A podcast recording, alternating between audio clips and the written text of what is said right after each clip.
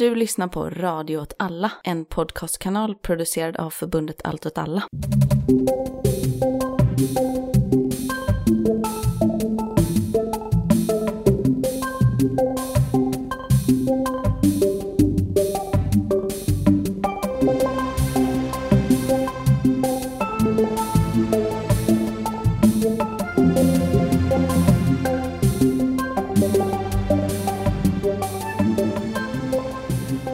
Och välkomna till en ny Frys Hyran-podd. Det var ju länge sedan ni fick höra någonting från oss. Men eh, nu är vi här med ett nytt eh, avsnitt om hyresmarknaden egentligen i Göteborg. Och med oss idag har vi Katrin Holt som är med i Hyresgästföreningen. Vill du säga någonting om dig? Ja, hej, jag är um, ombyggnadsansvarig i Hyresgästföreningen Norra Göteborg. Eh, och norra Göteborg det är ju då Bergsjön, Kottedala, Kviberg, Gamlestan och Utby. Så att jag är med och eh, arbetar ideellt då eh, varje gång det är stambyte och ombyggnation som oftast höjer hyran ganska rejält. Och med från eh, Allt åt alla så har vi ju också Leo, jag är här också och ja, kommer flika in ibland lite. Ja, och jag vet inte om jag sa mitt namn. Camilla heter jag i alla fall. Så, jo men vi sågs i slutet av vintern, för ni höll en eh, manifestation på Gustav Adolfs torg gällande Siriusgatan. Vad är det som händer på Siriusgatan? Nu är det ju ett tag sedan dess, men det kanske har hänt något mer. Det var eh, Siriusgatan och Rundtorget. Eh, och det är familjebostäder i Bergsjön som renoverar, stambyter med höga hyreshöjningar som följd. På Rymtorget så kommer det landa runt 1000 kronor i hyreshöjning. Och på Siriusgatan, där har de redan renoverat fasaderna, eller de håller på att renovera fasaderna kan man säga. Och eh, dessutom nu ska de renovera en, en ny renovering kan man säga. Och det är stambyte med badrumsrenovering.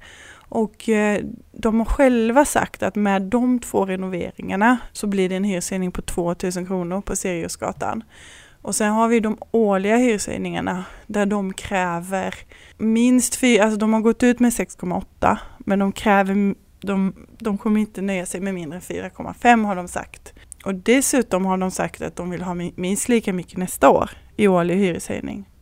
Så det här är ju, familjebostäder är ju eh, framtiden, tillhör Framtiden AB som då är ett kommunalt bolag. Och vi hoppades väl att det skulle bli förändring i och med det här nya styret men vi har inte fått några sådana signaler överhuvudtaget. Utan de kör på som vanligt eh, med de här hyreshöjningarna. Och hyresgästerna där är helt förtvivlade, chockade, arga, ledsna, upprörda. Alltså vi får samtal varje vecka ringer det folk till oss och ibland gråter de i telefonen. Det är, det är ganska jobbiga samtal för att eh, det, det är människor som säger jag, jag, vet, jag vet inte vad jag ska ta vägen. Och, och den, den ilskan och den frustrationen den, den um, har ju lett då till att vi har haft tre manifestationer. En på uh, Gustav Adolfs torg, sen hade vi ett fackeltåg på Siriusgatan uh, med, det kom 200 uh, eh, hyresgäster där. Och så hade vi en manifestation på Rymdtorget där det kom cirka 50 personer.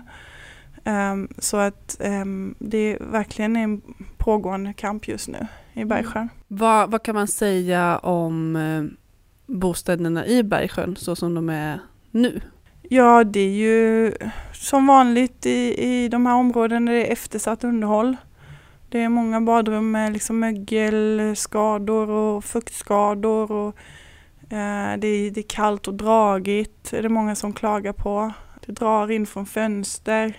Alltså det behövs ju renoveras. Så det är inte det, är inte det det handlar om, att, att man motsätter sig en renovering. Utan det det handlar om är ju vilken, sta, alltså vilken standard renoverar man till och varför? Ja, för där brukar man ju prata om, om standardhöjande åtgärder som en ursäkt för att höja hyran. För annars har man ju inte lov till att höja hyran när eh, det bara sker ett stambyte. Så det är en skillnad där. Och vad ligger, är det lägre hyror i, kring Rymdtorget idag jämfört med centrala områden kan jag tänka? Ja, så är det ju. Alltså, dels har vi det här med att läget eh, spelar in i hyressättningen. Och ju, ju närmare centrum du kommer desto högre hyra blir det. Men sen kan de ju komma ibland och ja men nu har vi byggt en ny fin lekplats här. Så då vill vi ha högre hyra för det. Eh, så att det är ju, det är ju de, försöker ju, de använder ju allt de kan för att försöka få upp hyrorna. Det märker man ju väldigt tydligt att alla satsningar i, till exempel man pratar väldigt mycket om att vi behöver satsa i utsatta områden. Men alla de satsningarna kräver de höjd hyra för. Trots att det redan är finansierat. Alltså de, de gick ju ut med att de skulle ha de skulle satsa 11 miljarder, 11 miljarder på utsatta områden som är då pengar från hyrorna, från våra hyror. Så det är Framtiden AB då som, som satsar de här 11 miljarderna. Och då tänk, tänker man ju att de pengarna finns då redan. Men, men alla de satsningarna då leder till hyreshöjning. Och hur, hur påverkar de här hyreshöjningarna de boende? Alltså eh, på både Rymdtorget och Siriusgatan så har du en snittinkomst på 14 000 kronor. Så att det är klart att varje hyreshöjning slår ju. Men sen är det ju skillnad på en hyreshöjning på 100 kronor och en hyreshöjning på 2000 kronor som du har på Siriusgatan. Det är ju, eh, jag menar en, en hyreshöjning på 2000 är det många som inte klarar även de som kanske arbetar och har eh, kanske till och med eh, har två vuxna i familjen som jobbar så är det ändå tufft. Ja det är en astronomisk förändring. Mm. Det är ju jättemycket pengar, mm. verkligen. Det är ju, men jag kan bara gå till mig själv. Jag, eh, jag jobbar och min sambo jobbar men 2000 kronor i hyreshöjning för oss hade varit eh, en enorm smäll. Alltså och det hade ju varit, det är ju, vår, det är ju våra marginaler som man äter upp då. Då har vi inte längre några marginaler. Och då, och då tänker man, om man då tänker att man redan från början inte har några marginaler, då, jag vet inte hur de ska klara det. Jag vet inte hur de ska klara det. Vad, vad säger hyresgästerna på Siriusgatan? Så vad, vad är deras krav på familjebostäder så att säga? De vill ju ha, de anser ju att underhåll Eh, dels då att de har eftersatt underhåll under väldigt många år. Eh, och då, då ska ju inte det, alltså det underhållsarbetet ingår i hyran och, och då borde inte det höja hyran. Eh, och det, jag, jag har ju varit med i många ombyggnationer och så säger hyresgäster generellt att liksom, vi har ju betalat för det här. Och sen så säger de också så att vi behöver ingen högre standard. Vi vill inte ha en högre standard. Det som de gör, Framtiden AB gör i varenda badrum, det är att de sätter in kakel och klinkers. Eh, det ska vara helkaklat och det ska vara klinkers. Och de anser inte att eh, man kan ha plastmatta till exempel eller våtrumstapet. Det är bara nej, det är inte dagens standard, bla bla bla, massa konstiga eh, argument som inte håller. Eh, de måste ha det här. Men hyresgästerna själva säger men vi vill gärna ha plastmatta. Och det finns ju, det finns ju bra argument för plastmatta utöver det här med hyran. Liksom. Det är ju eh, alltså ett klinkersgolv utan golvvärme blir kallt. Det, det, är inte heller hållbart om man tänker på att det går väldigt lätt sönder eh, om man har barn som tappa saker, kasta saker. Väldigt många, det är väldigt många barnfamiljer på Siriusgatan. Eh, så det rekommenderas ju egentligen inte för barnfamiljer det här. Så man, gör, man säger att det är ett tekniskt måste men det är inte ett tekniskt måste utan det här gör man bara för att höja hyran. Och, och det finns många nackdelar med att sätta in kakel och klinkers som de inte är intresserade av att diskutera. Och när hyresgästerna i samråd har, har tagit upp det här, de säger nej men vi diskuterar inte det här de stänger diskussionen direkt. Det finns, det, det finns, de, de är inte öppna för att ens diskutera frågan. Men då har ni, ni hade sammanlagt då tre manifestationer. Vad, vad har responsen varit från, från politiker och från eh, familjebostäder? Från politiker total tystnad. Mm. Total tystnad. Eh, vi har ju mejlat dem och mejlat dem och mejlat dem. Snälla svara på våra frågor. Snälla liksom bemöta oss. Hur tänker ni här? Hur, era direktiv. Alltså, de har ju själva direktiv om varsam renovering. Ingen ska behöva flytta på grund av kostnadshöjningar. Um, de har själva gått ut med det här Ja, det är en längre historia då men om man säger förut hade de det här 80-20 då att 20% av hyresgästerna skulle få en lägre hyreshöjning. eller nära noll hyreshöjning eh, sa de ju själva då. Och sen, men sen så gick inte det. Det föll för att hyres, hyresnämnden sa att om några kan få det, då kan alla få det. Eh, och det blir för, då för dyrt anser de. Eh, så nu har de gått ut med att eh, 60 procent, eller liksom, det blir då alla, de, alla som vill då i praktiken blir det ju, men de säger 60 procent ska få den här lägsta eh, nivån. Men då kommer den här lägsta nivån vara högre. Och då har de själva gått ut med att säga att det kommer landa runt 10 procent, kanske mer, kanske mindre. Men de följer inte det själva. Den första renoveringen som var efter det här nya direktivet, det var Dr. Heymans gata äh, inne i centrum. Där blev det 20 procent. Äh, så direkt efter att direktivet äh, skrevs så, alltså det har inte följts någonstans och det, man bröt mot det på en gång. Så att, jag menar tjänstemännen, alltså politikerna säger en sak, eh, både i sina direktiv och utåt. Men tjänstemännen gör lite som de själva vill med de här direktiven. Eh, responsen från tjänstemännen har varit att eh, ja, men det är liksom problemet på Seriesgatan och Rumtorget det är liksom att, att Hyresgästföreningen, liksom, vi behöver förbättra relationen med Hyresgästföreningen. Så de försöker liksom de försöker förbättra relationen med oss då. Men alltså, jag har ju sagt till dem så här att men jag har inga bekymmer med liksom, vi kan vara jättegoda vänner så här. Men eh, alltså de här människorna har inte råd att bo kvar. Det är liksom så här, det är det frågan handlar om. Vi kan ha ett jättefint samarbete och så vidare. Men det är inte det frågan gäller liksom. Ehm, det är inte jag som är arg på er, det är hyresgästerna. Ehm, och, jag, jag, jag representerar dem. Jag, jag kommer liksom inte ändra åsikt bara för att ni är gulliga mot mig. Liksom, utan jag vill, vill hyresgästerna att vi ska ha en manifestation. Då hjälper jag dem att anordna det. Det, det, det är inte konstigare än så. För du sa det, du sa det att, eh, att kommunen säger det att, att inga ska tvingas att flytta. Mm. Men är det en risk? Ja men det ser vi ju varje gång. Mm. Ja, alltså det, det, finns ju en studie som har gjorts på detta som visar ju då att, att väldigt många tvingas eh, flytta vid renovering. Eh, redan vid 5% hyreshöjning så tvingas många flytta. Så redan vid den här årliga hyreshöjningen så, så finns det en risk för för det man kallar för, alltså det blir ju inte en renovräkning vid den årliga hyreshöjningen eftersom det inte ens sker en renovering då. Men alltså att, att människor tvingas flytta från sina hem för att det blir för dyrt. Mm. Och det, det har jag sett vid varenda renovering som jag varit delaktig i att folk, många flyttar redan innan. Mm. Eh, och börjar, de, de, och de, vissa flyttar så att de börjar byta lägenhet väldigt mycket. Man byter till en, en mindre lägenhet. Eh, man kanske vill bo kvar på samma gata men man byter ner sig eller man, eller man flyttar helt enkelt. Det visar ju forskningen också. Det finns ju jättemånga eh, alltså, som, som just forskar på det och det är ju från forskningen som det här begreppet renovräkning kommer. Så det är inte så att det är några rabiata aktivister som har hittat på det här utan det är forskare som har tittat på det här och, och, och sett det här fenomenet renovräkning. Alltså det renoveras och då tvingas människor flytta. Det kanske inte är en vräkning direkt eftersom folk fattar att jag kommer inte ha råd och då flyttar man. Ett, ett, annat, kanske ännu större problem som vi står inför det är ju trångboddhet. En extrem trångboddhet som kommer följa av det här. För att alltså har man inte råd att bo på Siriusgatan eller på Rymdtorget, alltså det, det, finns inte så mycket, an, alltså så mycket annat att flytta till.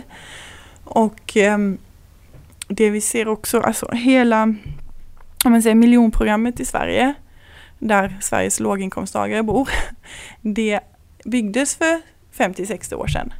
Stammar håller 50-60 år. Så det är nu hela miljonprogrammet, alltså stambyts. Det är nu hela miljonprogrammet renoveras. Och hyrorna höjs med mellan eh, 15, om, om, det liksom, om man har extrem tur, till 50-60 procent i Göteborg. I Stockholm är det ju liksom hundraprocentiga hyreshöjningar på många håll. Så det här, det, det som sker nu sker ju på massiv skala. Och det, det kommer förändra hela bostadsmarknaden, det kommer förändra våra städer. Eh, och det kommer påverka förutsättningarna för Sveriges låginkomsttagare skulle jag, skulle jag vilja säga. Så, så det, här, det här är en jättestor fråga men eftersom det sker liksom i skymundan, det sker gata för gata, det blir isolerade kamper, det blir liksom ingen hade man stambytt allt samma år, allt precis på samma gång så tror jag det, det hade blivit en enorm politisk fråga. Men man, det, det, sker liksom långsamt pö om pö och, eh, och de har ju sina härskartekniker för att försöka liksom eh, ja, hålla nere hyresgästernas protester i det här. Och då, eh, och då blir det inte den stora frågan som det egentligen borde vara. Nej, för det är ju en, en ödesfråga. Var ska alla människor som bor i, framförallt miljonprogrammen idag, var ska de bo? Var ska de ta vägen när, som du beskriver, när de trycks iväg? Det är väl också ett begrepp som, som används, bortträngning. Tycker du att det är relevant? Ja och nej. För att jag menar, det kanske är relevant om man snackar om gaml, eh, Gamlestan eller liksom med Majorna eller sådär. Men det är inte relevant om man pratar om Bergsjön för jag menar de här människorna kommer ju bo kvar i Bergsjön. Bara att de kommer bo trängre och de kommer ha eh, mycket mindre att röra sig med. Eh, och mycket mindre marginaler, kanske kommer behöva ta två jobb eh, för att klara det. Eller, alltså, det, det, det kommer försämra deras livskvalitet eh, och deras förmåga att ta hand om sina egna barn och ta hand om, om sina liv och klara vardagen. Det kommer säkert leda till högre kriminalitet kan jag mycket väl tänka mig. Så, att, så att det, det är inte bortträngning i Bergsjön utan det är ju eh, snarare liksom eh, jag vet inte vad man ska kalla det för, ett, ett krig mot de fattiga. Alltså det är, mm. det är en extrem eh, utsugning. Mm. Uh. Ja, det blir en försämring som du säger i livskvalitet och mer social utsatthet och ekonomisk utsatthet och så. Mm. så att man ändrade ju för några år sedan definitionen av trångboddhet också. Att man mm. ökade hur många personer som kunde bo i en lägenhet för att det in, inte skulle räknas som trångboddhet. Bara för att komma bort från det här problemet känns det ju som på något sätt att det problemet ökar ju år för år. Att det blir mer och mer trångbott. Vilket ju får allvarliga konsekvenser för ja, barn och unga till exempel. Så, som inte får studiero och så vidare. Liksom. Så att det, och samtidigt med detta så ska ju då Framtiden AB ägna sig åt det här de kallar superförvaltning. Som går ut på att de ska ha Eh, eh, starkare kontroll över hyresgästerna i utsatta områden. Alltså man har kopierat eh, Gårdstensmodellen och så vill man applicera den på hela stan. Och då handlar det just om det här till exempel att man ska kontrollera hur många som bor i en lägenhet, om det är riktiga kontrakt eller om man bor liksom utan lov då, bor där. Men, men de, de, skapar ju själva genom de här hyreshöjningarna en grogrund för att det ska bli fler av den typen av kontrakt. Att, det ska, eh, att, att människor inte, alltså när hyran är för hög så, så accepterar man ju inte ens att ta in de här människorna. Eh, och nu har man dessutom gått ut och sagt att personer med, som går på försörjningsstöd ska inte ens få lov att flytta in i de här utsatta områdena. Så det, och då kommer det bli ännu fler av de här svartkontrakten. Så att man skapar själva de här Eh, förutsättningarna, den här grogrunden för svartkontrakt, för kriminalitet, för, eh, för utsatthet eh, med de här hyreshöjningarna. Och sen använder man de här hyrespengarna, de här, den här vinsten eh, till att slå ner på det med liksom repressiva metoder. Eh, och varför gör man det? Nej förlåt, men jag, alltså, det hänger ju ihop med den här nya allbolagen, om det är okej okay att jag går in på det. Absolut. För det hänger ihop med allbolagen som kom 2011. Det finns ju en historia bakom allbolagen och det är ju att eh, de privata fastighetsägarna hotade att stämma Sveriges allmännytta inför EU-domstolen. Eh, för de sa att det var osund konkurrens. Och då istället för att pröva det här i EU-domstolen, för det, det, det hade kunnat um, det hade kunnat faktiskt gå till Sveriges allmännyttas fördel. Och istället för att ta en strid kring det så gick man med på att eh, den här nya allbolagen som en slags kompromiss, för i allbolagen står det ju samtidigt att, att allmännyttan ska ha ett socialt ansvar. Men det står också att allmännyttan ska bedrivas enligt affärsmässiga principer. Och det här har ju då tolkats av Sveriges allmännytta, det här eh, affärsmässiga principer har tolkats som att man måste gå med vinst. Men det, det, måste man inte enligt lagen, utan det är ju en tolkning av det här med affärsmässiga principer. För allbolagen var en kompromiss och det var liksom, man skulle försöka att båda sidor skulle vara nöjda i det här. Eh, men man har valt, alltså tolkningen av allbolagen i efterhand har gått enbart till fastighetsägarnas fördel. Och det är ju de privata fastighetsägarna det handlar om. För att det man, det man gjorde då samtidigt med allbolagen det var att man tog bort det här. Tidigare då så var det ju allmännyttan som var hyresnormerande. All, eh, allmännyttan skulle inte gå med vinst utan det, det var en själv, eh, självkostnadsprincip. Alltså typ vad det kostar med underhåll och renovering och så vidare. Det är vad du får betala hyra, inte mer. Men de privata fastighetsägarna fick ta ut 5% mer än de allmännyttiga. Så det fanns ett tak på hur mycket vinst de fick kunde göra då. Men med allbolagen så ändrades allt det och det blev istället de, eh, eh, den högsta förhandlade hyran som blev normerande. Det vill säga att det blir en ständig press uppåt på hyrorna. För det är den högsta som hela tiden är normerande så man jämför alltid uppåt.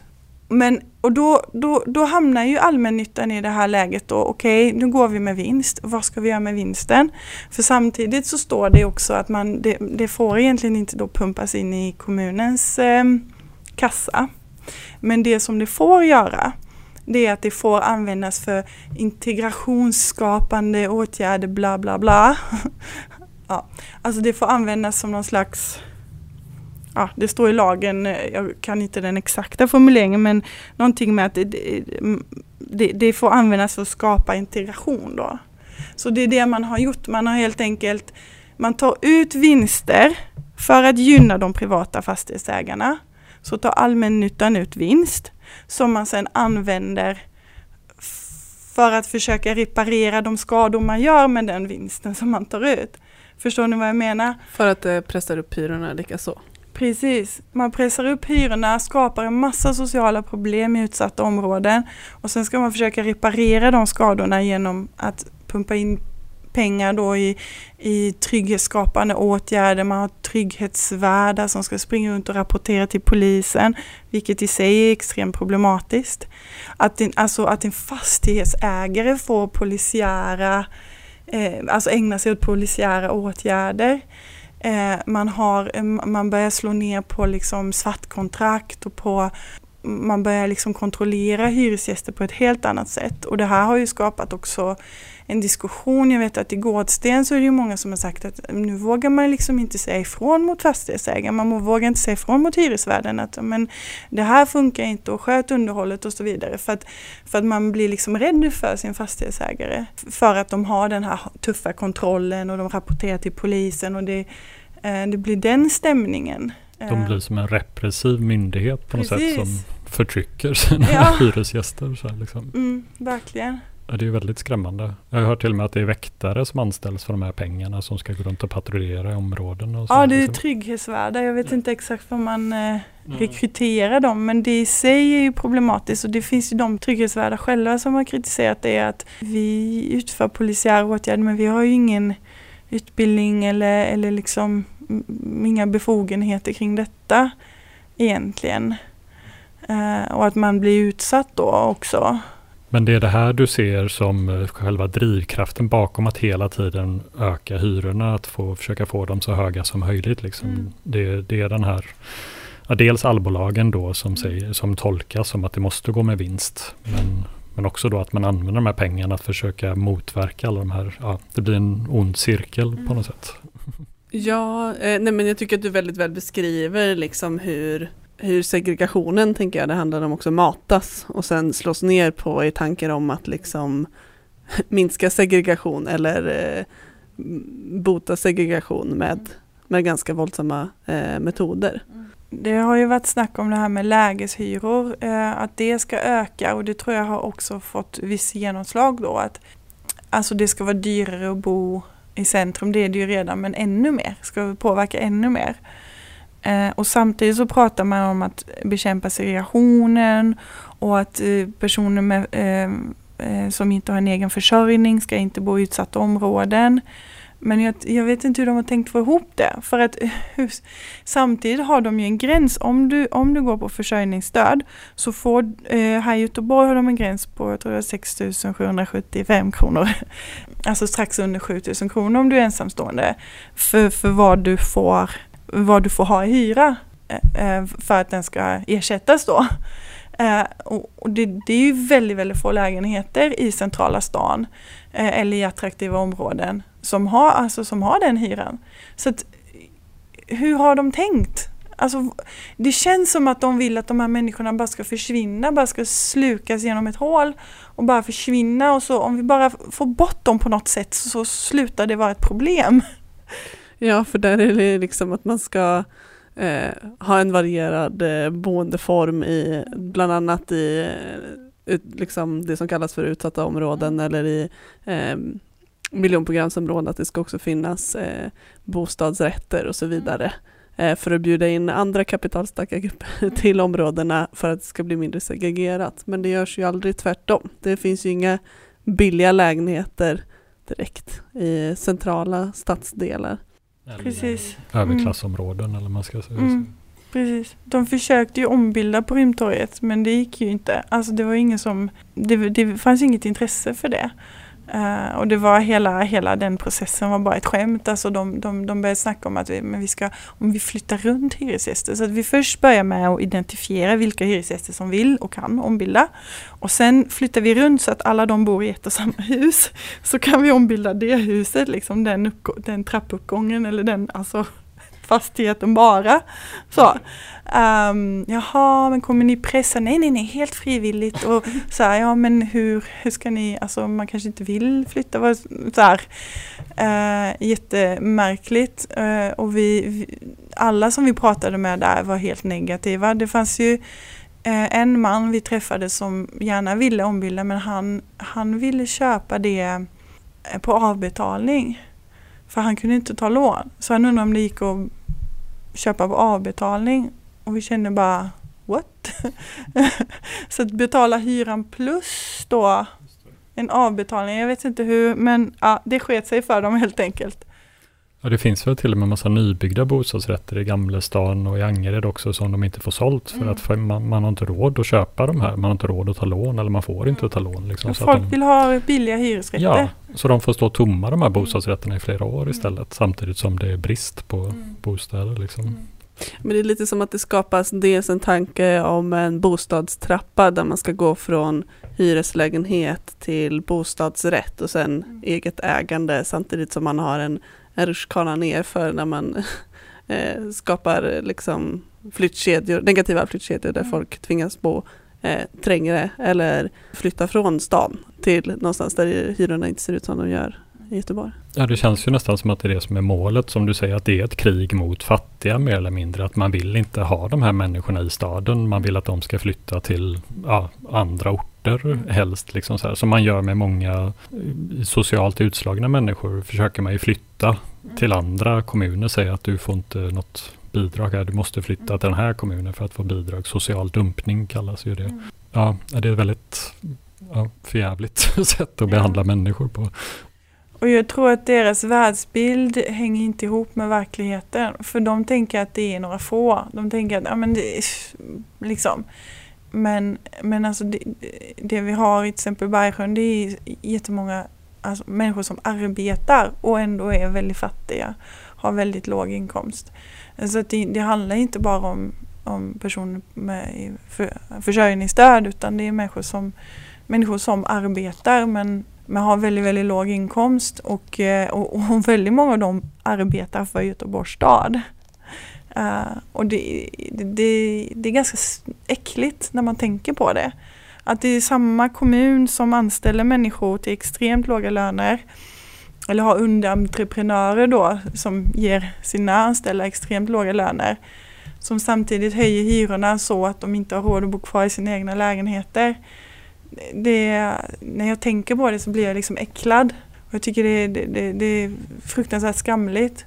Och jag, jag hade väl hoppats på en förändring nu med det här nya styret om jag får prata personligt då. Nu är det inte det här, nu pratar jag inte för Hyresgästföreningen då, utan personligt mina egna mm. tankar men jag, jag ser inte det just nu överhuvudtaget utan jag ser att man bara kör på i samma, samma hjulspår och, och man pratar om allbolagen, ja men eh, vi, vi, måste gå med vinst, för det står i allbolagen. Nej det står inte och vi måste utmana det här. Systemet. Annars, ja, annars är det ingen mening att sitta i de här bolagsstyrelserna. Man förstår inte varför man sätter sig, varför man pratar om vi ska ha låga hyror, vi ska bry oss om de fattiga mer och hit och dit, bla bla. Så sätter man sig i en bolagsstyrelse och så gör man absolut ingenting för att förändra det utan ja men allbolagen säger ditten och datten. Ja men utmana det. Mm. Eller så kan du skita i att sitta där. Ja, för även, även dåliga affärer är ju affärer i det här fallet, tänker jag. Eller så här, apropå affärsmässiga principer, vad innebär det? Mm. Eh, och hur, hur gynnar det eh, de boende eller inte? Liksom? Och det är väl i fram, eller familjebostäders eh, styrelse så är det väl majoritet sossar och vänster mm. som sitter. Så är det. Ja. Vilket ju gör det ännu mer märkligt. De tänker man ju borde ha ett eh, politiskt intresse av att ifrågasätta det här. Ja, verkligen. Nej, men, men jag tänkte på utifrån den här utvecklingen som, som du har beskrivit och som vi har pratat om. Vilken, vilken blir Hyresgästföreningens roll eh, i det här så som du ser i, Och den är kanske annorlunda här i Göteborg jämfört med andra städer, men ja. Ja, eh, jag arbetar ju lokalt och det är där jag vill arbeta och det är där jag kommer fortsätta arbeta. Jag håller mig på lokal nivå. Jag ser att det finns jättestor potential där och jättestora möjligheter att eh, mobilisera och organisera hyresgäster. Och vi, alltså varje gång som vi har ett stambyte på gång så ser vi ju att hyresgästerna är väldigt intresserade och eh, eh, bryr sig väldigt mycket och vi ser också att det finns en väldigt stark solidaritet. Att det finns några få som skiter i sina grannar. Och jag vill ha ett fint badrum, jag skiter i. Jag har råd och jag skiter i. Det finns några få sådana på varje gata, en eller två. Men alla andra eh, är sådär, nej men även om jag har råd så vill jag att mina grannar ska ha råd att bo kvar. Uh, eller jag vill inte ha en hyreshöjning liksom. Uh, för att uh, ja, vi ska ha en, en, solidarisk social bostadspolitik. Så det finns en väldigt stark solidaritet bland hyresgästerna och en, en viss medvetenhet också om de här frågorna. Det, det, är där jag gillar att vara och trivs med, med hyresgästerna. Och, och så organiserar vi protester. Vi, vi deltar i samråd, vi försöker alltid få till en konstruktiv dialog. Eh, med fastighetsägaren. Eh, vi lyckas sällan med det för att fastighetsägarna är inte intresserade. De är oftast mest intresserade av att få det att se ut som att de har haft en fin dialog. Men eh, de är inte intresserade av att lyssna i den meningen att man faktiskt också går hyresgästerna till mötes. Ja, det blir mest för syns skull. Precis. Det alla samråd jag har deltagit i har varit ett spel för gallerierna. Jag har aldrig varit med om att fastighetsägarna har ändrat eh, sig i samråd. Det jag däremot har varit med om är att de har eh, blivit skraja och sänkt sina hyresanspråk efter protester, demonstrationer, vad heter det, debattartiklar, alltså medial uppmärksamhet. Då, då har de blivit nervösa och, och, och ändrat sig. Men sen ska jag säga också att det här är ju eh, allmännytta eh, som jag mest har jobbat med då och de är lättare på det sättet att påverka än, jag ska inte säga att det är lätt att påverka för det är det inte, men de är ändå lättare än att påverka privata fastighetsägare. För privata, de, de skiter i, de kör på. Alltså många skiter totalt i sitt rykte ens. Alltså, vi har många konstiga slumvärdar till exempel i Bergsjön som bara eh, beter sig på ett närmast lagvidrigt, regelvidrigt sätt ibland. Och det känns som att de skiter i, alltså de har blivit utsedda till, till eh, den värsta hyresvärden och sådär. Eh, det skiter de i, de tänker inte ens besvara kritiken liksom. Eh, så att det är lättare ändå med allmännyttan och det, det, det, det finns på det sättet en fördel med att det är politiskt styrt liksom. De måste tänka lite på sitt anseende. Ja, ändå. alltså så är det ju. Det är politiker bryr sig ju om, om det blir dåliga rubriker i media. Så är det ju. Och kanske hoppas jag vänsterpolitiker. Jag hoppas på det nu när att, det, att det ska kunna påverka på det sättet. Att eh, man kan visa liksom att era ord går ju inte ihop med era, era handlingar. Ja, det har ju försvunnit mycket lagar som förut kunde hjälpa hyresgäster emot till exempel så här slumvärdar och så. att eh, Hyressaneringslag och så, liksom att de kunde ju inte ha för dåligt skötta bostäder till exempel. Då kan de ju tvingas åtgärda det och så. Men det har ju försvunnit sedan 90-talet väldigt mycket sånt. Så att makten ligger ju mer hos hyresvärdar än hos hyresgäster nu känns det ju som. Verkligen. Och våra Alltså det, det har ju urholkats mer och mer, våra rättigheter. Uh, och sen är det också, alltså, jag tror också att det urholkas i och med att vi inte använder de, de få rättigheter vi har. Och, och för att det är väldigt, väldigt svårt att, uh, att använda dem. Till exempel det här med hyresnedsättning som man egentligen då i teorin har rätt till när det är till exempel väldigt eh, eftersatt underhåll. Eller vid, när det är störningar vid ombyggnationer till exempel. Men dels så är det väldigt få som känner till detta och det är väldigt få som vet hur de ska mm, få det. Och sen är det väldigt svårt att få överhuvudtaget. Väldigt ofta så kommer folk liksom eh, två månader efter att någonting har hänt. Ja, det har hänt och det var så jobbigt, det var fruktansvärt. Eh, till exempel då att man har haft fruktansvärda störningar eller man har haft vattenläcka i flera månader i sitt kök och inte kunnat använda sitt kök. Alltså helt sjuka grejer ibland ah, ah, okay. Har du dokumenterat, har du filmat, har du fotat, har du fört dagbok över detta? Är du medlem i Hyresgästföreningen? Alltså jag får liksom nej på alla de frågorna. Och då står jag där, ah, jag, jag, då, då, finns inte så himla mycket man kan göra sådär i efterhand när ingenting är dokumenterat och sådär. Så att så att dels så är det att folk inte känner till sina rättigheter, folk är väldigt dåliga på att kräva dem, men också att de rättigheter som finns är liksom, det är liksom nästan meningen att det ska vara svårt att kräva dem, känns det som. Jag vet att vi gick ut och uppmanade alla att kräva hyresnedsättning för att hissarna eh, var sönder hela, hela tiden i, i vårt hus. Och så, eh, så var det några som gjorde det. Efter massa tjafs och om och men och, och dag, för, föra dagbok och ja, då fick de tre kronor i hyresnedsättning. Och det var liksom bara, de bara, Tack. de bara så här, ni har lurat oss, varför, varför sa ni att vi skulle begära hyresnedsättning? Det var så jävla jobbigt och vi fick ingenting sådär. Och då kände man, fan också liksom. Men det var liksom att vi tyckte att men, det här är en rättighet man har och man måste liksom kräva den varje gång som man har rätt till den. Men ja, det, det blir liksom ja, när, när du har två hissar och den ena funkar trots att du inte kan använda den för du kommer inte in i det, bla bla. Men det är liksom, ja då blir det bara x antal procent av månadshyran och sen var den sönder liksom eh, varannan dag och så, ja, så räknar du och så nej det blev tre kronor. Alltså, ja, det är gjort för att man inte ska kräva sina rättigheter. Precis, det är, liksom, det, det, är mer jobb än vad det är värt. Eh, än alltså, Sen kan det vara värt ibland, alltså ibland har jag, jag har varit med och, vid en vattenläcka en, en hyresgäst som fick över, jag tror hon fick 2500 i hyresnedsättning eller något. Så här, ibland kan det ju vara värt, men jag menar eh, det är så mycket jobb bakom eh, för att det ska kännas värt. Liksom. Eh, sen tycker jag ändå att man ska göra det för att jag, jag tror att bara det att man är på gör att det blir svårare att bete sig hur som helst för fastighetsägaren. Och det märker vi också, vi ser även hos allmännyttan ser vi hur eh, de hyresgäster som kräver sina rättigheter, de får också mer och bättre underhåll. Medan de hyresgäster som inte känner till sina rättigheter, ofta personer med utländsk bakgrund och där finns det ju en form av diskriminering och rasism som vi ser. Eh, fast den är liksom mer indirekt då. Men, men de får mycket sämre underhåll och mycket, blir ibland ofta lurade. Även, även i allmännyttan ser vi detta. Och det är ju helt sjukt hur liksom kommunala fastighetsägare eh, kan bete sig på det här sättet.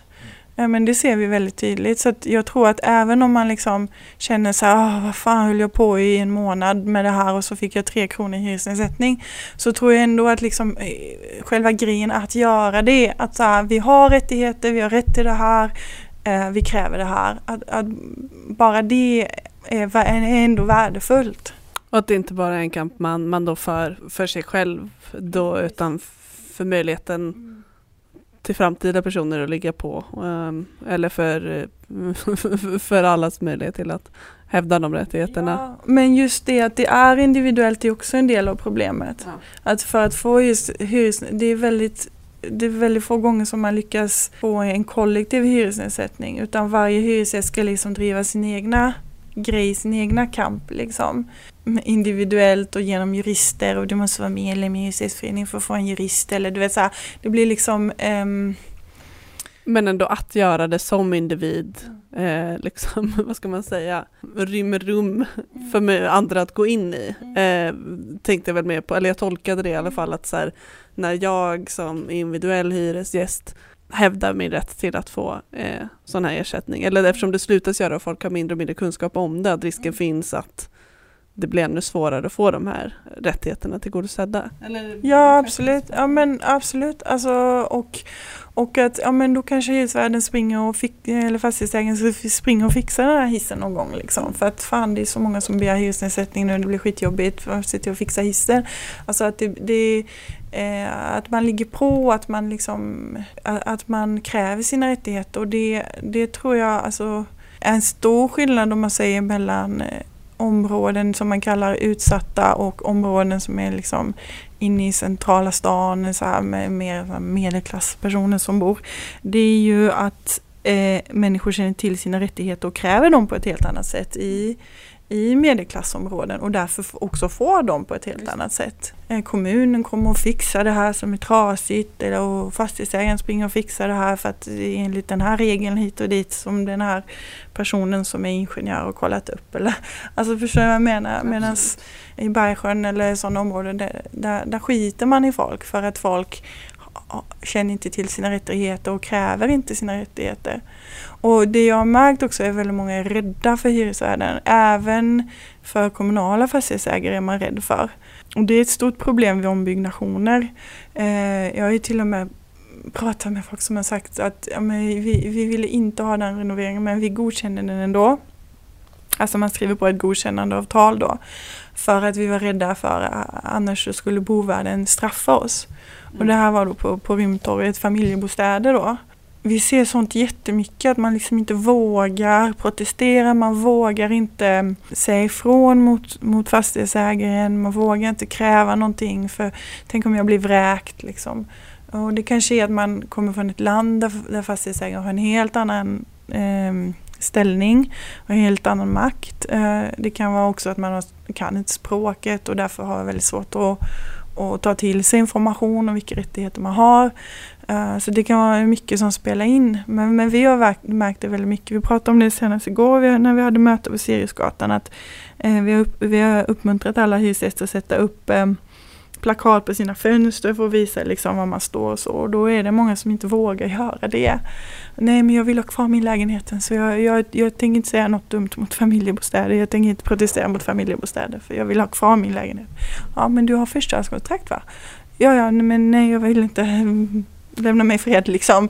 Sådär, den här rädslan som finns. Den är, ja. Men där tänker jag också, att, eller så här, utöver eh, det du säger som, som jag tänker också stämmer att man, man kommer från ett land med mindre tilltro till staten till exempel. Men här har vi också att man ska ha en tilltro till myndigheter så som vi också pratade om innan som eh, där det finns repressioner och eh, stat statligt betald liksom, övervakning eller liksom, eh, trygghetsvärdar eller eh, väktare.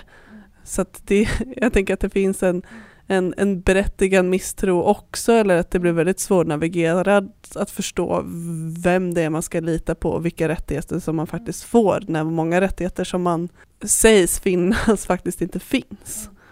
Så det där tänker jag är jättesnårigt, liksom, också när det kommer till hyresvärdar eller liksom hyresmarknaden och, och hyresgästers rättigheter.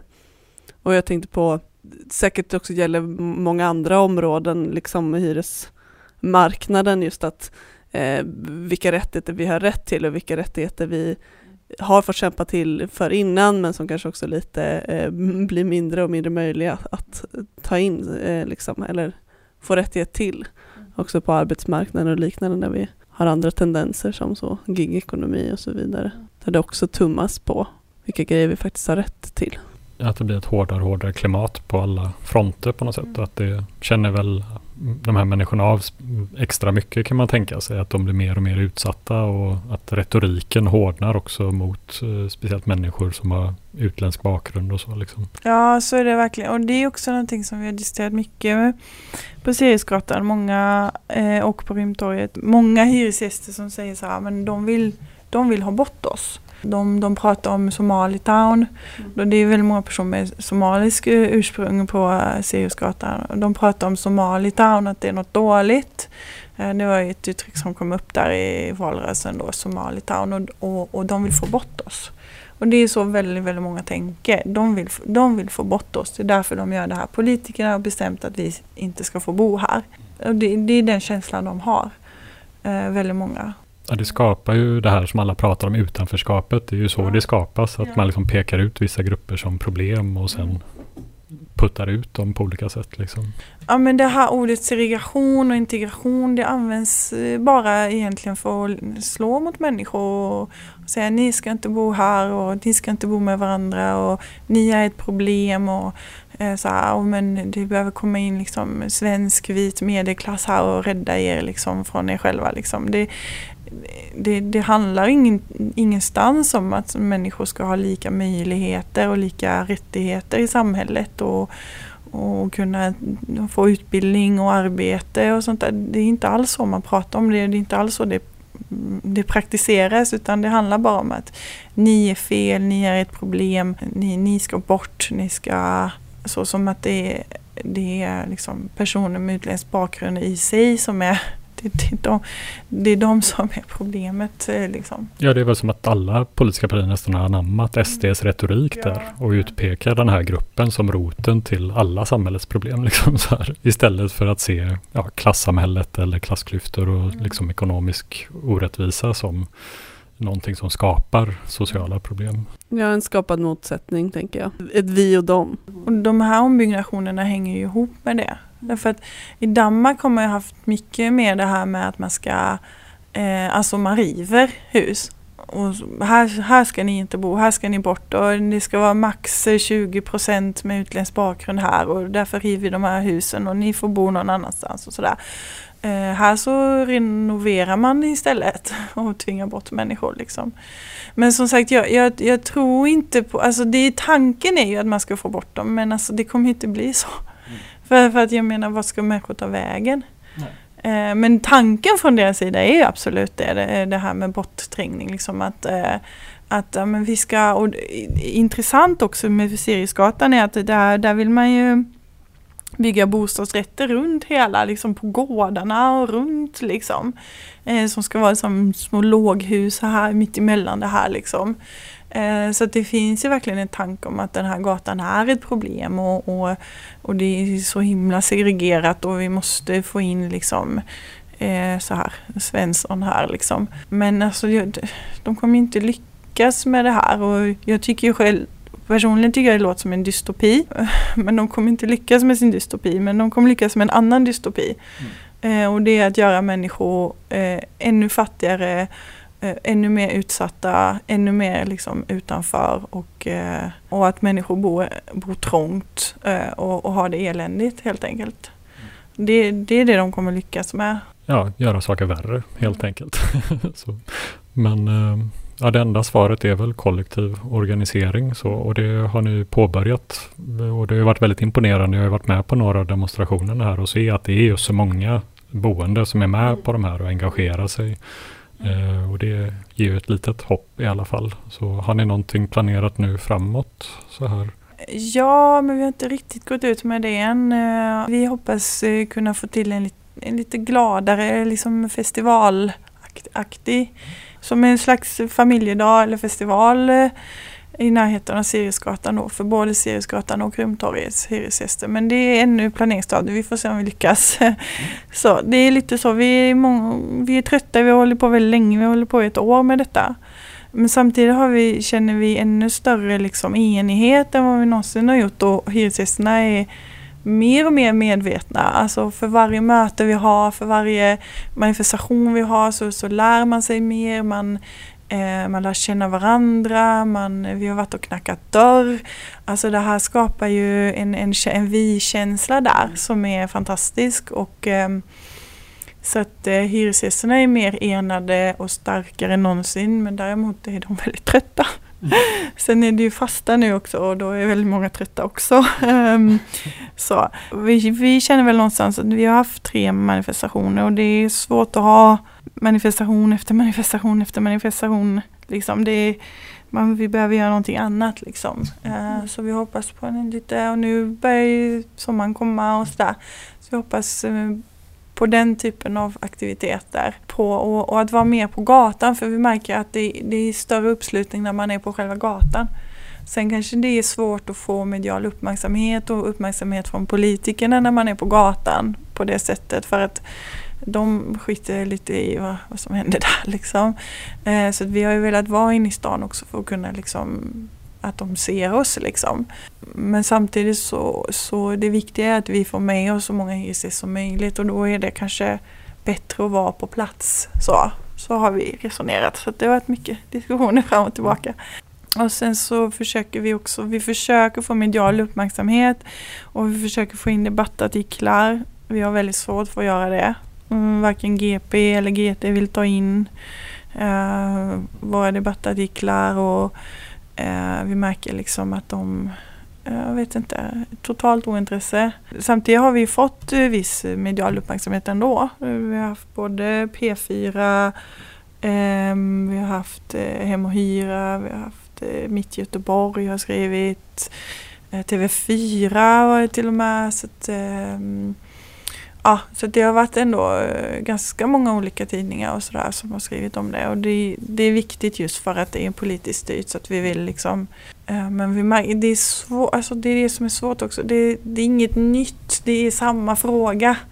Och det, eh, alltså media drivs ju tyvärr lite av den här, det måste vara en nyhet, mm. alltså grej. Mm jaha nu håller de ännu en manifestation, snark liksom. Alltså vi har redan skrivit om det så det är ingen nyhet och det, det känns så himla tråkigt för att men frågan är inte löst.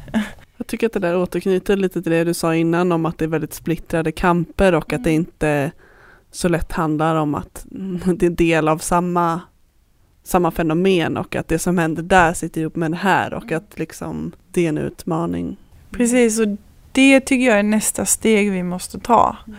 Det är att knyta samman de här olika striderna för jag vet att det pågår lite varstans i stan. Men jag har inte lyckats med detta. Eh, vi har inte lyckats med detta och det måste bli nästa steg. Mm. Det är liksom att knyta samman kamperna. Att, jag, menar, jag tänker till exempel när det gäller framtiden AB så kan man ju köra gemensamt. Alla på alla gator där det pågår. För det är samma eh, politiker, det är samma, alltså de är bara underbolag till en och samma, det är samma problem, det är samma direktiv som de ska följa men inte följer.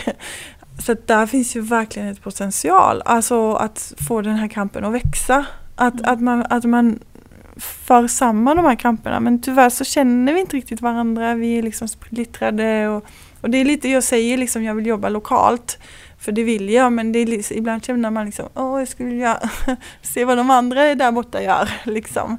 Och där tänker jag att vi, men nu kanske vi börjar avrunda, jag funderar på det, men om, jag, om vi jämför då liksom vad vi sitter på och vad, alltså det är, det är svårt att säga att vi har liksom sådana ambitioner eller sådana möjligheter men att det är en, en annorlunda sits att jobba lokalt och som vi gör eh, i Allt åt alla och i Fryshyran och prata om, staden i, i, det stora liksom.